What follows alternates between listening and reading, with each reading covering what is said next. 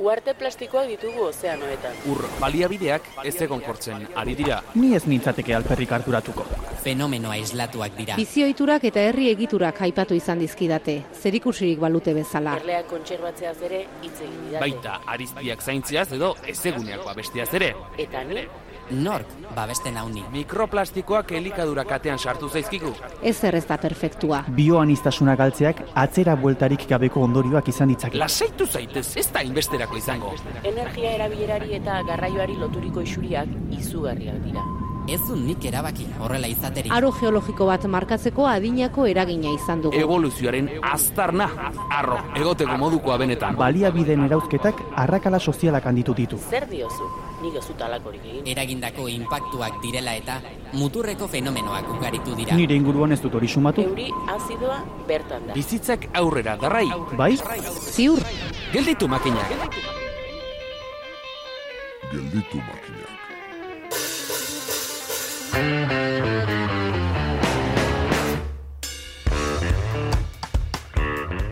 Bazenekien hiruaren multiplo guztietan betetzen den araua dela zifra guztien batura bera ere hiruaren multiplo izatea?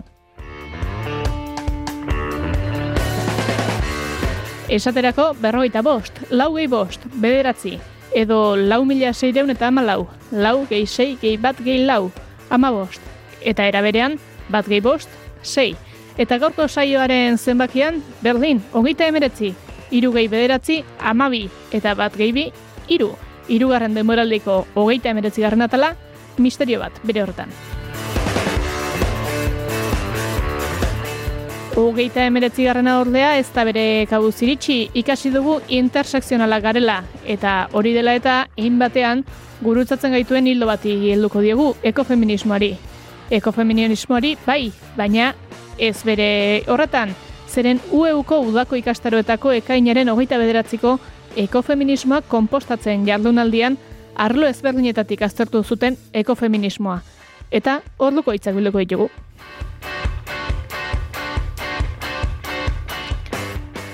Eta saioa isteko bestalde, norretorreko eta Iñaki Sanz azku edatorkigu botak lokatzetan atalera. Eta hoi bezala, ez dator bakarrik, gaurkoan lagun txiki bat izango du alboan. Liolepis sugandila.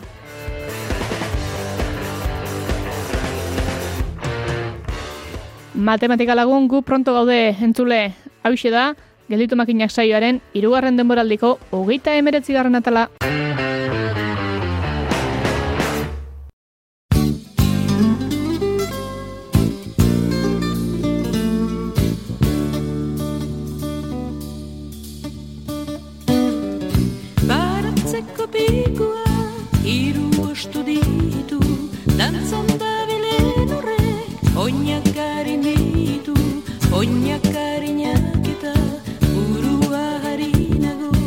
Dantzan hobekitaki hartu jorran baino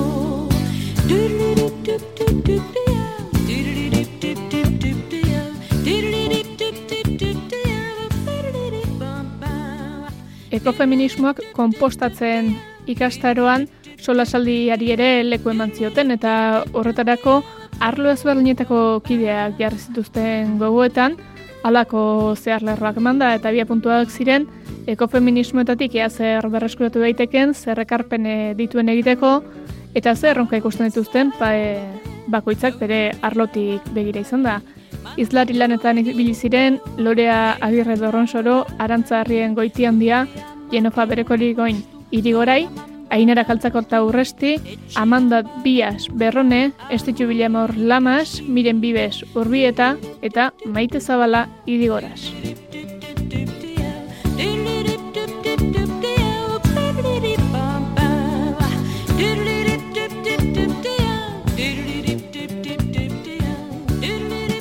Ainara Kaltzakorta Urresti mugimendu ekologistatik aritu zen. Basiko nintzateke esaten, ba, igual ekofeminismoa mugimendu, osea, planteatzen duen erronka bat izan daitekeela momentu honetan mugimendu ekologistan, pues batetik pentsatzea eh, edo, bueno, ikustea, pues, eh, ikusten da nola batetik mugimendu ekologista alde batetik ez dagoela eta bestetik eh, mugimendu feminista ez orduan. Erronka bat izan daiteke e, mugimendu ekologistak e, partekatzea ekofeminismoak egiten dituen nire irakurketak eta bestetik ere bai militantziari dagokionez, ba, bueno, askotan aipatu izan da, ba, e, mugimendu ekologista ba, militantzia bastante maskulinizatuta dagoela, ez? Eta orduan, igual mundu guztiak ez du partekatzen hau, baina e, historikoki uste dut Euskal Herrian hau esan den gauza bat dela, ez? E, beste alde batetik, e, mugimendu ekologistaren baitan, e, dauden, bueno, e, osea, mugimendu ekologista oso zabala da, eta, bueno, e, problematika ezberdinen bueltan egituratu izan da, e, bueno, ba, igual proiektu batzuen aurka antolatu dira talde batzuk, e, beste batzuk igual gehiago e, konservazionismoari begira, baina bueno, azken aldian asko ari dira gertzen ba, orokorrean e, larrialdi klimatikoa edo krisi ekologikoa eta soziala orokorrean lantzen duten e, taldeak daude hemen, ez? Eta talde hauetan adibidez, e, askotan hitz egiten da, e, arazoaren berehalakotasunaren inguruan, ez? Eta nola ba, e, pues berehala hartu behar direla e, neurriak nahi baldin badu bastakitoa ba, klimaldaketa gelditu edo bueno, e, materialen e, arazoa edo energiarekin lotutakoak edo beralakoak direla eta bestetik uste dut e, igual e, torkizun sostengagarri horretan, ez? Osea, e, sostengagarri izango den etorkizuneko feminista horrek eskatzen dituela beste erritmo batzuk, ez? Ba, igual pausatuagoak direnak edo bestelako pazientzia bat eskatzen dutenak, ez? Orduan, hemen ez dakit erronka nork e, nori planteatzen dion, baina uste dut kontra esan hau askotan agertzen dela mugimendu ekologistan eta honen inguruan pentsatu behar dela.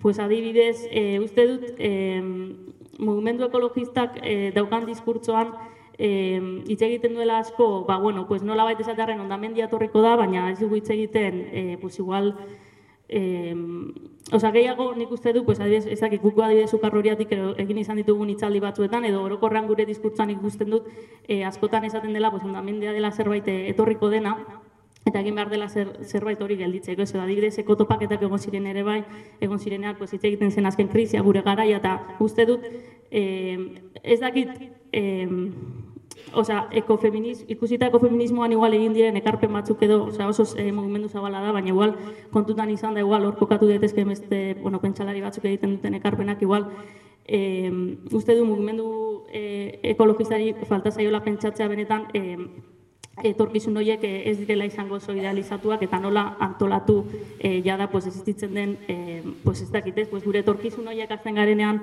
diseinatzen ba, kontutan izatea pues ez direla idealizatuak izango edo lurra kutsatuta izango direla edo edo perspektiba horiek ere bai kontutan izan behar direla eta igual ez dira e, mai gainak jartzen oraindik ez mugimendu ekologistan. Maite Zabala idigoraz, osatze feministaren proposamenetatik aritu zen izketan. Eta, bueno, ba, apur bat, kontzeptuetara edo ideiak ekartze aldera, e, alde batetik, ba, bueno, e, e, goizian, be, hau desberdinetatik entzun dut, eta ordu igual zain marziania sentiduk honek esaten, ez?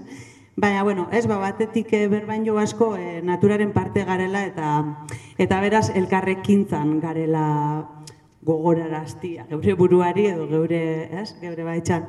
Eta horre, ba, asko e, landu genuen e, kontzeptu basan, bizitzak agintzen du, ba, pixkat, eh, esateko bai, e, ba, dana ez daula gure kontrolpian, e, dana ezin dugula, e, ba, ez dakit, zahartu ingoarela, bai, o, bai, ez? Eta gauza batzuk, emoten da bela gaur egungo gizartian, ba, diruaz, edo aleginaz, edo nahi dozun dana lortu aldozula, baina, bueno, ba, e, bai natura eta bai gorputzak ba, euren limitiak daukela onartzia, edo, bueno, mes, ba, pixkat onarpen e, eta apaltasun horretara bueltatzeko ariketa bat, edo, nahi genume bai plantea.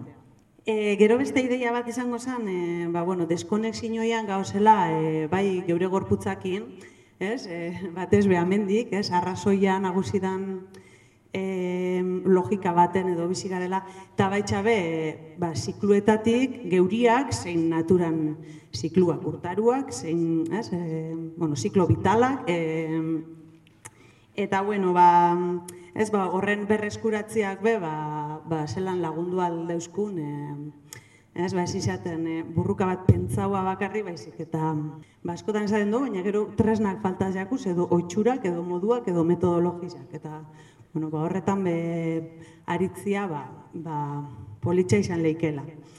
E, gaur berbain da bai, ezta, espiritualidadeen inguruan eta eta eta bueno, ez, e, gure lekuetan da ozen e, e, oitxura eta, osea, ez, bada osela Euskal Herrian e, edo lekuan lekuko e, oitxura, e, erritu eta beste hainbat gauza, ba igual, astu douzenak edo batzuk igual, ba, ez gaitxuena balizio, ba, mm, kristauak izan dizelako dana dalakoa, eta igual beste modu baten berrasmatu bidu zenak, baina bueno, bai, ba, guzti hori e, berreskuratu eta eta balizio ez, ez bagaitxue, ba, beste batzuk e, asmatzia edo, bueno, ez sortzia.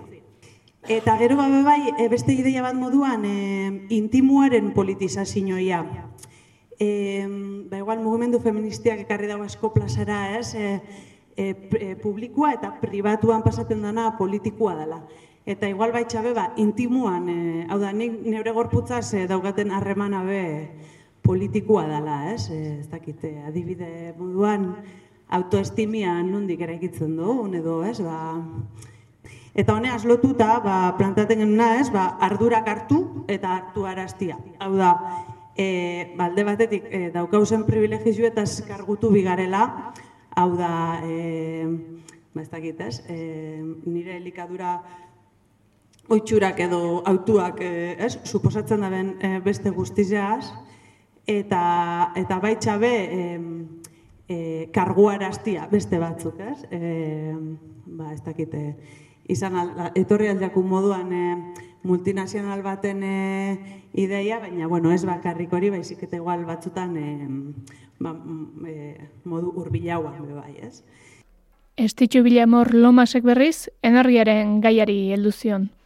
E, eta niretzako igual, pertsonalki bintzat, e, ekofeminismoak energiaren alorrean egin duen edo niri egin didan ekarpen nagusietako bat, edo planteatzen duen erronka nagusietako bat da, ikustaraztea e, gure eredu energetikoaren atzean dauden bizitzak, ez? Osea, askotan energiaren munduan hitz egiten da dauden baliabidetaz, baliabideak agortzen ari direla, murriztu egin bar dela, baina hori oso modu aseptikoan edo, eta, bueno, itzat, jartzen ditu honen atzean, ba, bizitzak eta honek dituen inpaktuak e, pertsonean, ez? Ba, e, batez ere egoalde globalean, ba, gure sistema elikatzeko eraikitzen diren makroproiektu hoiek nola eragiten duten ba, tokian tokiko komunitateen bizitzetan, nola gehienetan emakumeak diren bizitza hoiek sostengatu behar dituztenak, eta orduan bere jasaten dituzten kalteak, e, bertan ematen diren gatazka ekosozialak, ematen den represio guztia, eriotzak, e, batez ere populazio indigenaren gan, ez? E,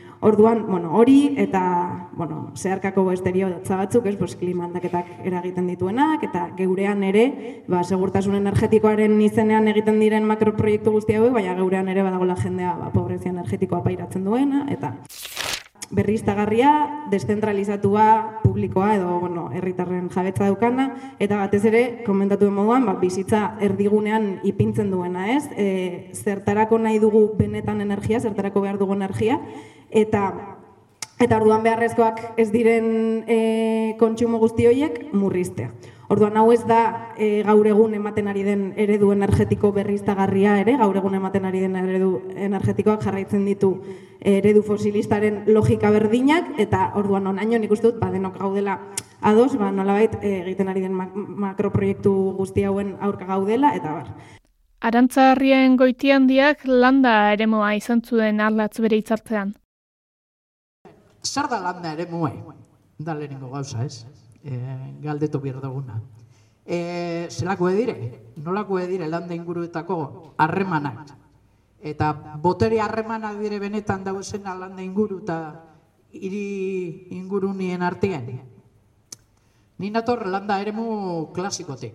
Hau da, lurreri lotutako landa e, eremutik. Gaur egungo landa eremuek, e, landa eremu klasikoe da residuala gaur egunien dugun ere, landa ere mue, ez da hori buruen idealizatzen duguna e, danok. Landa ere mue, izkin bakoitzien, kontsumoa presente ez duen ere da. Hori da bat. Landa ere bizitza eta naturarekin harremana presente duen ere da. Ekofeminismoa edo sostengarria izango da, edo ez da izango. Ehm, Sostengarri ulertzen dugu personak, animaliak, landarak edo izakizek oroar bizitza duin bat bermatzen dabena hil arte. Ze hil egin biegu eta zelan hil, pues hori beste eztabaida bada. Edo bardine, baina bueno. Eta baita sostengarri izateko uste dugu izen behar debela transmisible. Belaunaldiz, belaunaldi iraun eh, aldabena. Ez aldatu bari. Aldatu aldana, baina iraun aldabena. E, landa inguru espazio, argi da, e, erabaki behar da, e, ekofeminismotik zer landa, eremu, zer egin nahi dugun espazio horrekin. Ze gaur egun legalki eta dana da el resto.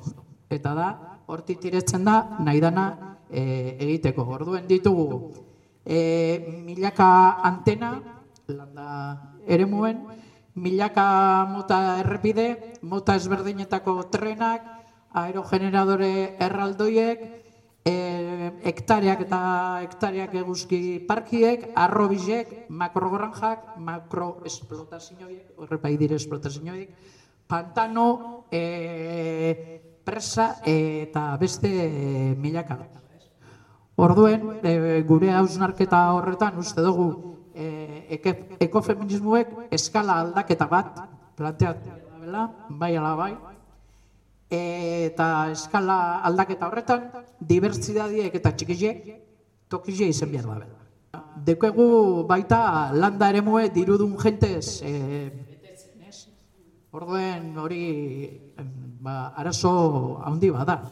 Ba, igotzen da belako mailaz, da bela uste e, beste jente bat hurbiltzen eta, bueno, ja etorkin bat, pues ezin da rima, ez? Uste dugu ekofeminismoek nekazari abeltzan eta baso zainen e, beharra aldarrekatu behar da bela, berezko bier, biodiversitatea mantentzeko, e, eta gero e, nahiko genduken nekazal kulturaz jantzike dauen ekofeminismoen. Ez e, atzerakoie, aurrerakoie, baina jantzita dauena e, kultura horretaz. Amanda Diaz Berronek zuzenbidetik egin zuen ekarpena. Oso garrantzitsore ditzen zait, eh, ondo lertzea, zuzenbidea ez dela zientzia neutrala, edo inkluso justitza bilatzen duen kontu bat, ez da? E, bueno, posit positibismoa erakutsi digun bezala, ez? Baizik eta, bueno, zuzenbidea dela estatuak e, kontratu sozialaren bermatzaile bezala, pues erabiltzen duen pues tresna bere boterea, estatuaren botere bertan, ez? Eta bizi dugun gizartearen botere nagusiak mantentzeko. Hau da zuzenbidearen e, klabea, eh? Ez ardurari kandien bat. E, horrexegatik, ezin dugu deslotu, bai, zuzenbidea soziolog soziologiatik, ekonomiatik, antropologiatik edo inkluso agroekologiatik, ez? Zuzenbidea da azkenean gizarteen edo gizartean dagoen tentzio edo inkluso borroka politikoa orekatzen edo batez ere desorekatzen duen arguditegia, ez? Argumentario bat. Eta, klaro, horrek erdun zer ikusi du ekofeminismoarekin, ez? Bueno, e, niretzat e, horretarako funtsezkoa da olertzea lurraren kontrola, kontrolak botere egitura horre mantentzeko duen zeregina, bai? Eta guztiz olertzekoa da jende askok ez ikustea lotura hau, ez? Azkenean lurraldaren kontrola eta lurraren konzentrazioa dira ekonomia feministan esaten dugun arabera eredu hau, eredu heteropatriarkala, kapitalista, koloniala eta ekosida horren eskutuko e, oinarriak, ez? Eta, bueno, zentzonetan feminismoan, bai uste dut, e, asko hitz egiten dugula lanaren banaketa sexualari ba, buruz adibidez, baina uste dut gutxi hitz egin dugula lurraldaren banaketa sexualerekin duen harremana, harremana eta edo harremanaz, ez?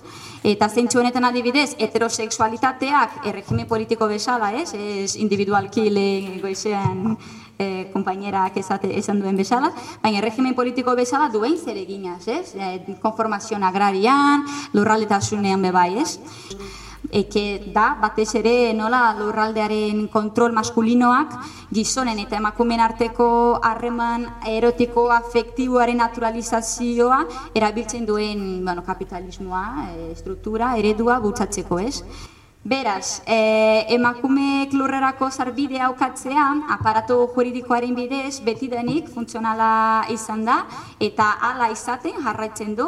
Ez da kasualitatea adibidez transnazional eh, handiek sinatutako kontratuak, merkataritza itunak, estatuen artean negoziatutako inbertzio akordioak, nazioarteko diru funtza sustatako doikuntza politikak, edo inkluso mundu bankuak emandako e, maiego baldintzatuak e, orokorrean, lurraren kontrola dago lehiaren erdigunean, ez? Eta beti, beti, beti. Eta nortzuk inkluso e, dira hori defendatzaileak batez ere, ez? Esa, argi, argi dauzkagu.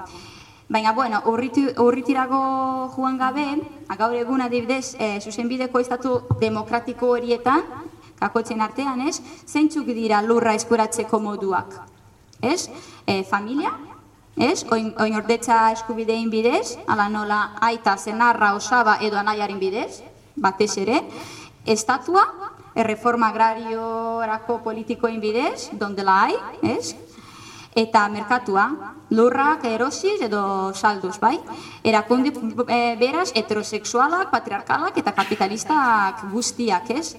Gainera, hori, zenbat emakume zar daitezke lurrera erakunde horietatik igaro gabe? Ez ditut ezagutzen, behintzat, ez da? Eta seguramente gongo dira, baina oso gitzi. Eta, bueno, beste aldetik, zen erronka zuzenbideak planteatzen dizkio ekofeminismoari? Pues, bueno, e, odertu behar dugu borroka ekofeminista lorralde gatazkari buruz ere badela, bai? E, ekofeminismoaz hitz egitea arpilatu gintuzten eta kanporatu gintuzten lurrak berezkuratzeari buruz hitz egitea dela, bai? Ekofeminismoa hitz egitea, eskubidea hitz egitea dela, beraz buru jabetza politikaz ere hitz egitea dela, bai? Ezingo dugula derrigorrezko heterosexualitatea zalantza jarri, edo familia monogama eta nuklearra gainditu, edo inkluso agrikologia eraiki, emakumeok lurra eskuratu ezin baditugu bai? Eta askotan agro, de al agroekofeminismo hau batzuetan dena edo bastante galduta, ezta? E, daukagu eta bueno, hau da niretzat, pues bueno, erronka erronkari kendienetariko bat. Miren bibe surbieta irigintzatik aritu zen kontatu dezun ideal guzti horietatik horretatik kontrajarritako gauza bat irutzen zait dala iria. Iria da e, justu kontrakoa iteten nahi gana, ez da? E, modelo produktiboan oinarritzen den e, oso e, animali komplexu bat, ez da? Eta logika produktiboan e, oinarrituta dagoan ez, etengabeko askunde batian oinarritzen du bere, bere izaera bera, ez da? Orduan, e, azten ez da niri bat nola, nola planteatzen dugu, ez da?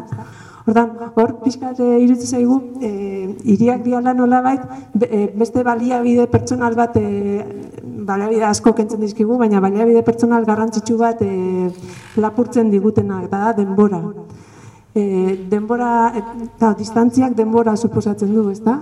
E, orduan baliabideak oso bananduta baldin badaude eta horrek ere balio du balio du baita ere landa eremurako, ezta? Segun eta ze eh segun eta nun ekipamenduak, zerbitzuak, ba, mugimendu horrek suposatzen digu denbora asko gastatzea. Normalian emakumeok daukagu poltsiko batean diru gutxiago, gizonezko baino, eta beste batean denbora gutxiago, ba, gure, e, gure kargu ba, normalean dazkagulako baita ere, ba, hemen pekotasun egoeran dauden daudenak, ba, bai aurrak izan o adinekuak, ez da? Ordan zaintzaz okupatzea momentuan, ba, gure denbora ere ez da guria. Bori, ba, ulertu behar du hori, denbora ere e, haitzen da balia bidea bezala. Ordan irutze zaigu oso garrantzitsua dela, eta hau, hau datu pixkate kofeministmoarekin lotuta, urbiltasunan kontzeptua berreskuratzea. Eta urbiltasunan kontzeptua irigintza mailan izango litzateke, e, iriak ez izatea oinarrizko unitateak, baizik eta auzoak. Auzoak eta Gipuzkoa eta Bizkaian kasuan batez ere, e, herriak. Ze herriek azkenian badaukate nolabait neurri bat, auzo, auzo neurri bat, ez? Orduan hori garrantzitsua ditzen zaigu horrela e, bertan e, oine, oinez edo oinez edo bizikletaz mugituz e, zerbitzu eta ekipamendu horietatik mugitu gaitezkelako eta besta, eta, garraio sistema publiko oso on batekin ba herri zerri eta oso zanzu ere mugituko ginetekelako, ez da. Orduan pixkat e, hori izango litzake e, territorioa kokatutako, zer territoriakin lotutako e, irizpide nagusi bat, ez da? Oso simple ematen duna, baina azkenian ez da laitxura esan jorrexa. Ze, e, irigintzan denborak baita ere dia oso luziak. E, irigin, e, gaur egun pentsatzen nahi gehan, mm, gaur egun planifikatzen nahi gehan auzoak gauzatuko dira, realitate bihurtuko dira, hemendikan amar, amabost edo hogei urte, urtetara ez da. Orda, baina benetan nahi geha pentsatzen nolako auzoak nahi ditugun, nola bizi nahi dugun leku horietan, edo zertan oinarritzen ditugu auzo auzoien diseinuak, ez da ze irizpideik mai, mai gainean jartzen. Baina premia eta behar hoiei erantzuteko e, ze espazio sortzen nahi geha. Bizitza anitzak posible dira, etxe bizitzak ber, guztiak berdinak dianean, e, kale guztiak berdinak dianean, plaza guztiak berdinak, jolasguniak, e, sortzen nahi gehan espazio eta estenatoki guzti horiek, iaia berdinak dira, eta ez geha pentsatzen nahi benetan nolakoak nahi ditugun. Irutze zaigu lau pareta etxe badala, irutze zaigu e, kaltzada bat eta bi espaloi kale badala, baina kale batzutan gustora gaude eta beste batzutan ez gaude gustora. Eta hori dano daki, eta plaza batian ondo gaude eta beste batian ez. Jarrikea pentsatzen benetan nola olanakoak nahi ditugun, eta ze lekutan gauden gustora eta zeinetan ez, edo zu gustora zauden leku batian eta ni beste batian, eta zer desberdintzen gaitun. Ze hori egin behar dugun zerbait da. Eta egin behar dugu ja, etorkizunean posible izan dadin. Eta irizpide horiek ezarri behar ditugu orain, eta ja- jakin behar dugu, asmatu behar dugu nolabait, e, boteria dauan mai horietara erematen, horiek e, gauzatzia posible izan dadin. Jenofa berekori goin irigaraik, kazetaritza ikuspuntua ekarri zuen. Iruitzen zauteko feminismoak duen eh, erronka nagusia edo gaur egun dela klimalagialdiarena eta trantsizio ekologikoarena, eta orduan hori begira, ea, saiatu biz, pixkat erronka batzuka ba, hori planteatzen eta puntuz puntuko bat eginen dut. Baina bai batetik badela nik uste eh, kazetari ontzat eta orokorki mugimendu ekofeministaren zat, erronka bat dela eh, hitzen erabilpenarena edo zeiduritzen zaut dela garapen iraunko ja dela azkunde edo energia berdearena edo transizio ekologikoarena edo badirela hitz batzuk orain arte sistema kritikatzen zutenek erabiltzen zituzten hitzak gaur egun sistemak erabiltzen dituela sinestarazteko aldaketa bideratzen ari direla. Eta kazetariok badugu sekulako ardura hortan eh, dela hitzak errespetatzea, hitzak zorze izkienei bideratzea eta batzuei kentzea. Beste, beste erronka bat edo nik uste kazetaritzatik eta mugimendu ekofeministatik da uh, desaskundearen proposamenaren zabalpena. Ez da behia, irurogeita amargarren amarkadan sortu zen, eta ez da, ez da zabaltzen, ez du lortzen lekurik, eta alta bada interesgarria, eta gaur egun begibistakoa da, hau dela bidea, eh, energia buru jabetza dena den ezinezkoa dela salbu erabakitzen badugu mundua pikutara bidaltzea eta dena suntsitzea munduaren beste puntan eta hemen ere bai eta behoita urteren buruan dena den, denentzat ez aski izatea eta, eta dena izogatua izatea, beraz nik uste badela desaskundearen eh, ba, proposamenaren zabalpena bai kazetarion ardura eta mugimendu ekofeministarena ere bai. Eta hori nola, nola zabaldu, nik uste importantea dela ba, plazegetik eraikitzea, baikortasunetik, janai aldaketa hori bai bortitza izanen da, ze haula ezingo da eraman, baina baina interesgarria izan daiteke eta eta feminismoak hanbeste lantzen duen uh, bizitzak erdigunean edo zaintzaren uh, proposamena edo zaintzaren iraultzearen proposamena nik uste desaskundeari lotua dela eta eta interesgarria dela. Beraz, bada mezu hori zabaldu behar. Uh, beste puntu bat, niretzat, niretzateko feminismoa dobo, beste hainbat bezala ez dakit sobera nola definitu, ez dut sobera, baina iruditzen zaut bai badela men, menderakuntza guztiak mm, biltzen dituen, edo men, menderakuntza guztiak kontutan hartzen dituen ba, ikuspegi bat, interseksionalitatea bere usotasunean, ze antropozentrismoa kontutan hartzen du, eta hori bai dela interesgarria, bai ekologismoaren zat, eta bai feminismoaren zat.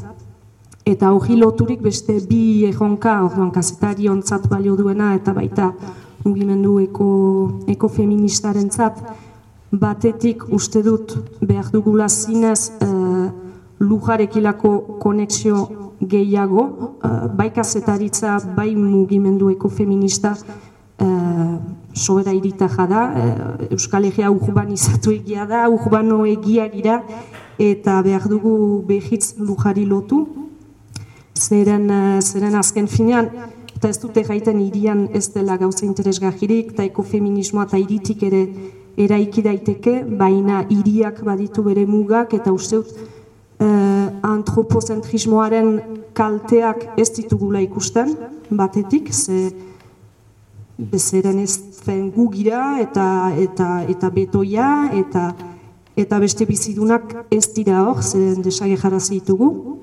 eta, eta arazo batetaz kontziente izateko arazoa ikusi behar dugu, eta irian ez da ikusten, hori batetik. Eta gero bestetik, eta azken puntua, uh, ikuspegi dekoloniala lehen lehora eramatearena, uh, ba, ezinbestekoa da, uh, astapenean aipatzen nuena, baina uh, nola hitzak lapurtzen dizkiguten, nola transizio ekologikoaz eta hitz egiten duten, uh, gaur egun instituzioek, multinazionalek eta boterean diren horiek planteatzen duten transizio ekologikoa ikaragarri koloniala da. Eta eta behar dugu bai kazetaritzatik irizpide horrekin landu gaia, behar dugu etengabean kondatu hemengo gure azkunde edo gure garapen berdearen izenean ze desmasia egiten dugun munduaren beste puntan, hori behar dugu eta mugimendu ekofeministak ere behar du ikuspegi dekoloniala bai ala bai lehen lehoan ezagi. Eta Lorea Agirre Dorronsorok berriz, Euskal Gintzatik egin zuen ekarpena. Euskara feminismoa eta ekologismoa nola lotzen da. E, uste dut hemen ere hori ikusten dugula. Eta gero agian ez da erraz e, hitzetara ekartzea, ez da? Hemen esan duzuen guztia eta hizkuntza esango nukenik. Eta hizkuntza. Eta esan dituzuen kasik bueno, pixka da gaineti, baina hainbat arrazoi lotuta, ez da? Hainbat hauzi eh, edo edo logika edo aipatu dituzue eta eta hizkuntza baita ere ba uste dut hor sartzen dela. Hizkuntza hor sartzen da hemen eta orain.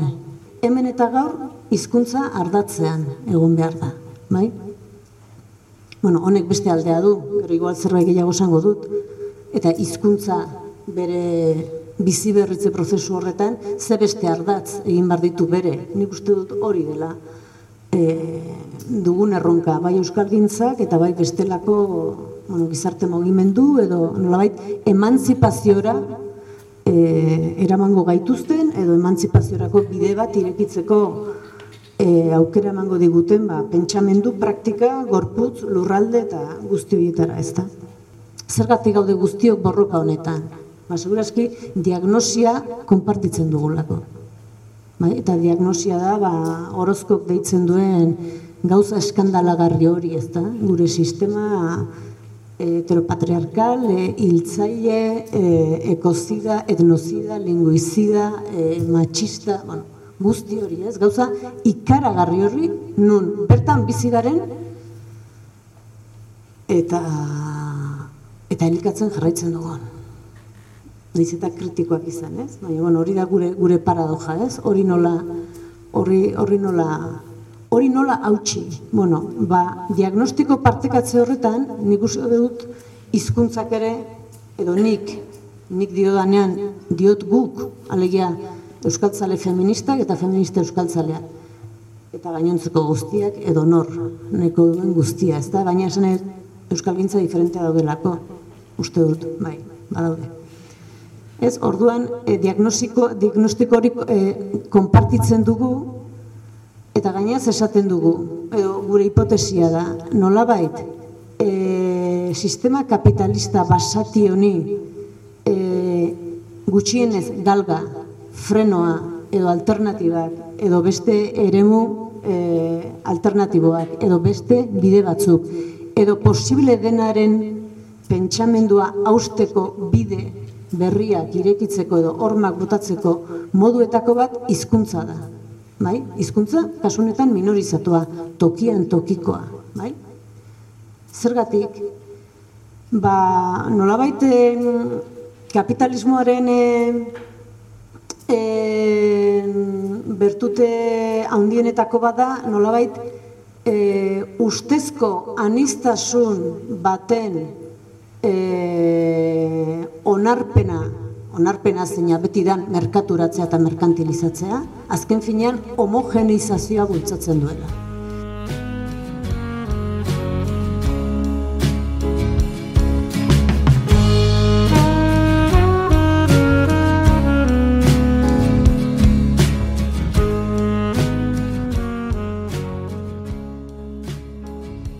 Horiexek labur-labur eta titular modura ba, izlariek egindako ekarpenak zabalago ere izan zen noski, baina tira, horiek gerora konposatu beharko dira. Gelditu makinak.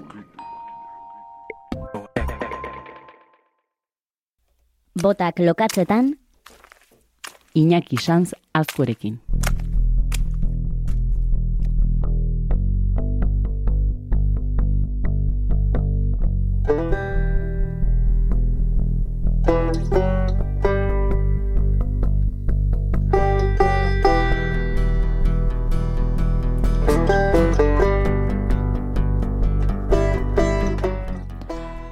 Uztaila ez da uztaila zaparradarik egiten ez badu, eta botak lokatzetan, ez da botak lokatzetan, kauboiari lazo botatzen ez badiegu. Ongi etorri Iñaki izan zazkue, beste behin. Eixo, Eli, Tira, e, esan bezala, bat, e, baten batzutan bota izugu lazoa, eh? Oartzerako saio morloixka bat egin ditugu Bai. elkarrekin. bai, hilero, hilero lazon bat beste sentitu dut gorputzen gurun, eta eta aritu gea, eh? Denbora azkar pasatzen da, eta animalik ere jundia pixkanaka, pixkanaka. Bai, hori da, errepaso txiki bat egin dugu, eta aurtengo ikastortean behintzat zurekin aipagai izan ditugunen artean, behira, eh? batzuk badira, eh? zerrenda luze xamarra doa. Narrasti txikiekin hasi ginen, izokinen errunaldiak ere pasa genituen, baso igelgorria, iratze pareo, paleotropikala, uandreak, sugegorriak, txorikantuak, sorbeltzak, muskarbeldea, eta gaurkoa dugu azkenekoa, eta gaurkoa, aurkeztuko aldi guzu zein den. Bai, gaur e, txikira joko dugu berriz, e, askotan txikitasun horretan gauza asko agertzen zaizkigu, eta liolepiz sugandilarekin eh, sartuko gera gaurkoan. Ba, begira, eh? Narrastiekin hasi eta narrastiekin bukatuko dugu. Hala ere, aipagai izango dugu, ze atal guzti hauek e, gelditu makinak saioan izan ditugu, baina zuk ere txukun-txukun gorleta dituzu zure web horrian, ala? Bai, irutu zitzaidan hasieratik izan zitekela aukera oso ona, ba, gero etorkizunean norbaitek entzun nahiko balitu, edo eta zergaitik ez erabilera didaktiko bat eman, edo eta aipatu izan diate, euskara ikasten ari diren pertsonek ere animaliekiko joera dutela, eta e, amarra magos minutuko elkarzetatxoak izan da, ba, politia izan zitekela horiek biltzeak, eta, bueno, ba, web horri bat irekin nuen aurreko ikasturtean, aurreko maiatza inguruan, eta hortxe ditut, irrati garrizketak izeneko atalean, txukun txukun, hilero hilero jartzen dut, igotzen dut bertara, ba, hortako animalia. Edo Ba, landarea.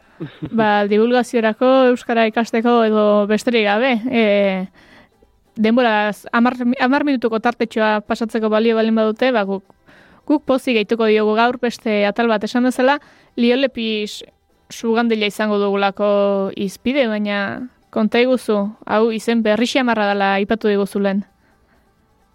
Bai, e, garai batean podarziz liolepis dauka izena espezie honek, sugandila espezie bada. E, garai batean podarziz hispanika izena zuen, 2000 eta bost inguruan edo ikerketak hasi zian egiten, e, gene ikerketak edo ikerketa genetikoak, eta bueno, ba, ikerketa genetikoek ekarri zuten horrelako e, ba, zera bat ez, revoluzio antzeko bat, izan ere ordura arte egiten zian ikerketak batez ere anatomikoak ziren, edo da foliotikoak, ezkata kontatuaz, eta bar, eta geneen etorregarekin, edo ikerketaren etorregarekin, ba, aurretik espezie bera zirenak, ba, konturatu ziren espezie bereiztuak zirela, eta hau da kasu hau, ez? E, kasu antzeko bat izango litzateke, e, Iberiar penintxulan, Iberiar penintxula osoan, e, podarzi, podarziz hispanika delako hau omen zegoen eta hala konsideratzen zen, bagenekien gorputz aldetik, tamaina aldetik eta bar, ba Iberiar penintsulako txoko desberdinetan, ba berezitasun batzuk bazituztela animalia honek, baino genetika sartu zanean ikusitena da uste zutena baino e, aldakortasun handiagoa zegoela Iberiar penintsulako sugandila hauen artean. Eta pixkanaka pixkanaka, barkatu dali, bai, Bai, bai. E, pixkanaka pixkanaka bakarra izatetik zazpi espezie izatera pasada. Orduan esan dezakegu garai batean uste genuna espezie bakarra zela gaur egun zazpi direla. Hori izan behar nizun, e, espezie bakarra izatetik, espezie gehiago izatera pasa dira, edo az- azpi espezieak dira, edo hori nola sailkatzen da? Ba, begira, eh, askotan ez da erraxa izaten. En, bueno, genetikaren aldekoek esaten dute, genetikak erakusten digula ba, gorputzak edo anatomiak eh, aurretik erakusten etzuna. Baina, badira kontrakoak ere, esaten dutenak, eh, geneek ematen digutela askotan eh, bereizteko aukera, baina ez dagoela garbi, ez? Nun dago muga azpi espezie badian, espezie badian, Orduan, bueno, hor egia da, ba, ba, kasu honetan hasiera batean zalantza handiak izan zirela, ea benetan espezie desberdinak ziren edo ez, baino kasu batzuetan, zazpi hauen kasuetan ikusi da aldakortasun genetikoa nahikoa dela espezie moduan konsideratzeko. Gero hoien barruan aldaerak badaude, eta horiek aztertzeke daude, edo behintzat eh, etorkizuna bera ikusi beharko liake. Eta ondorio nagusia zein da? Ba, bueno, ba, jenek esan bezala revoluzio bat ekarri dutela, baina ezin ditugula aztu e, ere azterketa anatomikoak eta eskatei lotutakoak. Denen kombinazioak beharko lukela erabilia ba, espezie berriak edo izendatzeko edo aztertzeko. Eta ikusten dena baita ere, bueno, e, biologiak eta genetikak eta ibilbide luzea baldin badute ere, ikerketaren eraginez e, aldatzen doa zela, ez? Eta ez, e, gerora ere ezagutuko ditugula, egun ezagutzen ditugunen bilakaerak eta aldaera desberdinagoak. E, Iñaki, kontu bat, irailean hasi ginen elkarrekin Bai. eta esan dugu narrasti txikiei buruz hasi ginela izketan, eta sugandilak ere narrasti Bai. txikiak izango dira ba, zer dela eta aukeratu duzu uztaila honi begira jartzeko? Ba, iruditzen zaidan ustaila badela garai bat, eh, agian jendeak, bueno, batzuk oporrak hartuko dituzte, batzuk jetxiko dira Mediterraneo aldera, beste batzuk itsaso aldera, eta iruditu zait badala espezie bat, ba, bueno, oporroi baitan edo guazen deitzera bestera arratsaldeko bueltatxo hoien baitan, ba, errezago topatu daitekena, ez?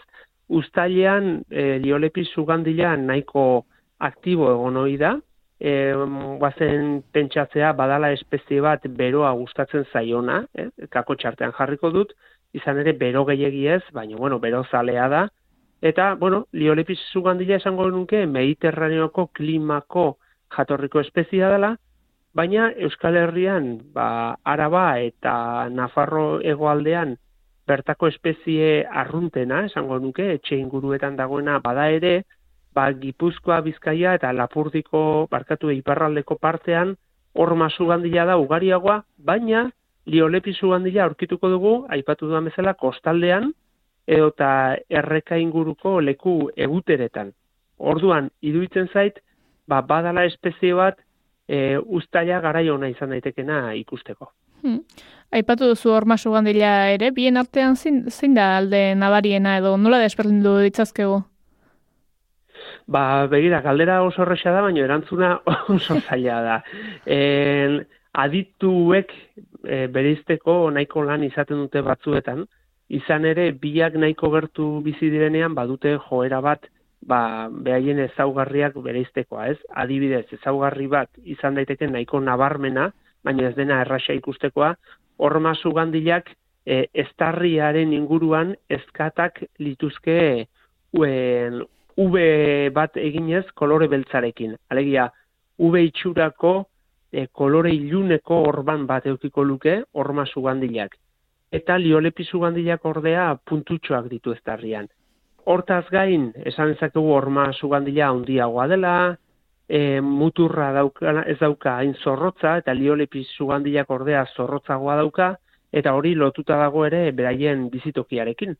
Izan ere horma zugandilak etxe inguruetan eta bar bizi da, eta baita ere horrelako mendi inguruko baso eta inguruetan, eta ez du zirrikituekin ez daka hainbesteko loturarik. Ordea, liolepi zugandila, esan duan bezala, egutera zalea da, eguzki zalea da, eta ordun arroka eta harria gustatu zaizkio. Eta hoien zirrikitu estuenetan ere sartu egiten da, hortik muturra estua. Beraz, ezaugarriak ba, badituzte, berezgarriak, baina desberdintzeko hain hain erresa ez da izango. Bueno, ea animatzen den entzuleren bat, parean tokatzen baldin bazaio, beti ere bi aldamenian tokatuzkero errexago izango da aldak, aldak, aldaerak bere iztea, baina bueno, ea animatzen diren, zain diren asmatzera. Bestalde, ipatu duzu, Bai. bizilekua ipatu duzu, eta gipuzkoa ipatu Bai. duzunean, lehen mikro atzetik ere esan didazu, urgul eta Santa Clara inguruan bereziki aurkitzen dela espezie hau. Bai, hori da esan barruna, ez? E, bueno, beti esaten dugu, ba, behaketarako, entrenatzeko e, gauza politak ditugula inguruan, eta esan, animatu nahiko nuke entzulea ere, naiz eta ez jakin ze espezie den, behintzat behatzera eta ikustea ea ze zaugarri dituen sugandilak. Gero eta gehiago behatu, orduan eta errezagoa izango dalako bi hauek bereizten. Noski aurrenekoan zailagoa izango da, baino, karo, e, ziurtatzearren, ba, gomendio bat egin beharko banu, izango litzateke, ba, donostira egun pasa edo joaten bada Euskal Herriko norbait, Urgul eta Santa Clarako sugandilai behatzeko. Izan ere, Urgul eta Santa Claran, eh, badago sugandila hau, liolepi sugandila, eta horma sugandila ez dugu apenas ikusi. Esan dut ikusiko ditun gehienak liolepi sugandilak lirateke. Eta zergaitik dan berezia, bueno, ba, kasu honetan, laro garren amarkadan, ikerketa anatomiko bat egin zen, hau da, bere gorpuzkeraren eta bere eskaten ikerketa bat egin zen, eta ikerketa egin zuen pertsonak, e, publikatu zuen eta gomendatu zuen, ba, bertako populazioak, urgul eta Santa Clarakoak, ezberdinak zirela, eta handiagoak zirela besteekin alderatuz. Horregatik aipatu zuen azpi espezioa zela. Aipatu dut garai hartan podarziz hispanika, e, zaukala izen zientifikoa eta beraiek podarziz hispanika Sebastiani deitu zioten. Hau da, donostiako zugandila. Ondo zehatza, bai, bai. Gero, ondo zehatza gainera. Eta gaur egun, ba, podarziz liolepis Sebastiani litzateke. Kontua da, gero, e, ba, 2000 eta bost e, e, urtean, ba, tokatu zitzaidala neri, beka bati esker e, genetikako laborategian egotea, eta sugandila hoien eta ingurukoen ikerketa egin nuen, ikerketa genetikoa, eta ikerketa genetikoak ordea esan ziguna da, etzegoela aldaketa, aldaera hundirik. Hau da, e, mendizorrotz edo igeldo inguruko, jaizkibeleko, urguleko eta Santa Clarako liolepi sugandilak genetikoki oso oso antzeko ziela. Orduan, ba, norbaitek esango du, eta zergaitik dira hundiagoak eta zergaitik ilunagoak urgul eta Santa Clarakoak, bueno, ba, badago arrazoi biologiko bat, eta da irla efektua. Alegia, e, sugandila bat edo espezie bat, animalia bat, irla batera iristen denean, eta ez badauka bertan e, kontra ingo dion inor, eta gainera e, jateko asko baldin badauka, jaki asko baldin badauka, ba, belaunaliz belaunaldi gorpuzkera haunditu egiten da, eta gorpuzkera haunditzen di joanean ezkatako purua eta bar ere haunditu egiten zaio. Eta hori dela eta uste dugu, ba, oraindik ere, ba, genetikoki oso antza handia badute ere, ba, gorputza handitu egin zaiela orgulda Santa Clarakoei. Hala ere, esango nuke, etorkizunea begira komeniko litzatekela ikerketa genetiko gehiago egitea, izan ere, segun eta ze gene begiratze ditugun, ba, emaitzak ere ezberdinak izan daitezke eta nik eh, eta guk egindako ikerketa 2005ean e, gene batzuekin egin eta ordutik honea gauzak asko asko aldatu dira. Ba, gonbita hortxe uste dugu, ea ikerketa genetiko gehiago egiten diren. Iñaki, zer esango dizugu ba, eskarrek asko gurean izategatik, hemen utziko dugu gaurkoa, eta esan dugu ikasturte honetakoak ere, hemen utziko ditugu, galitu makinak saioa ere bere alaxe bukartzea delako. Plazer bai izan da, zure espezietxoak eta zure kontuak entzuten ibiltzea.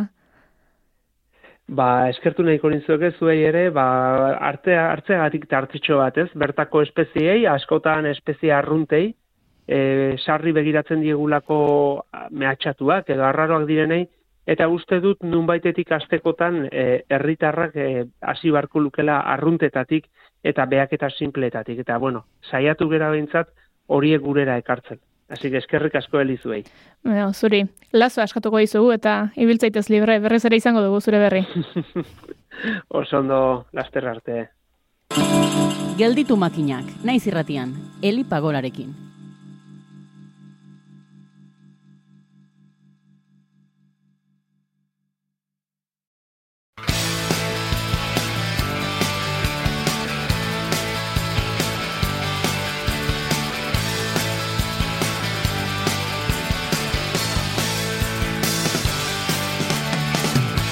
Ez ezagun lagun hori Ez eskuminik ezagur berori Tirentzule, hogeita meretzi garren natala, hause izan da. Ea datorren natalean ere hementxe egiten dugun topo, eta gainontzean, jatorri bili. Detzat hartu zaitut nik Atrebentzia ez bada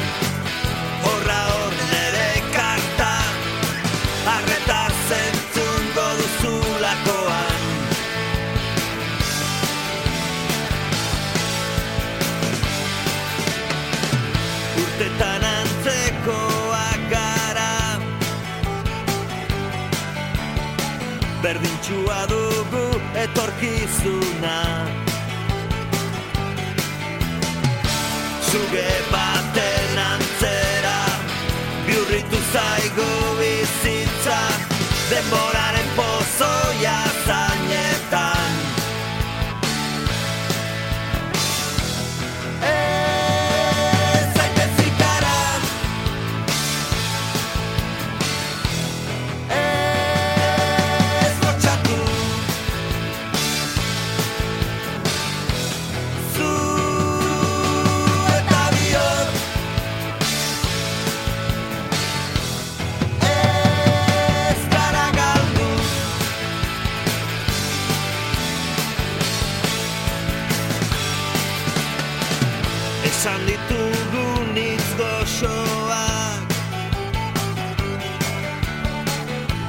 Iresteko garaian saminak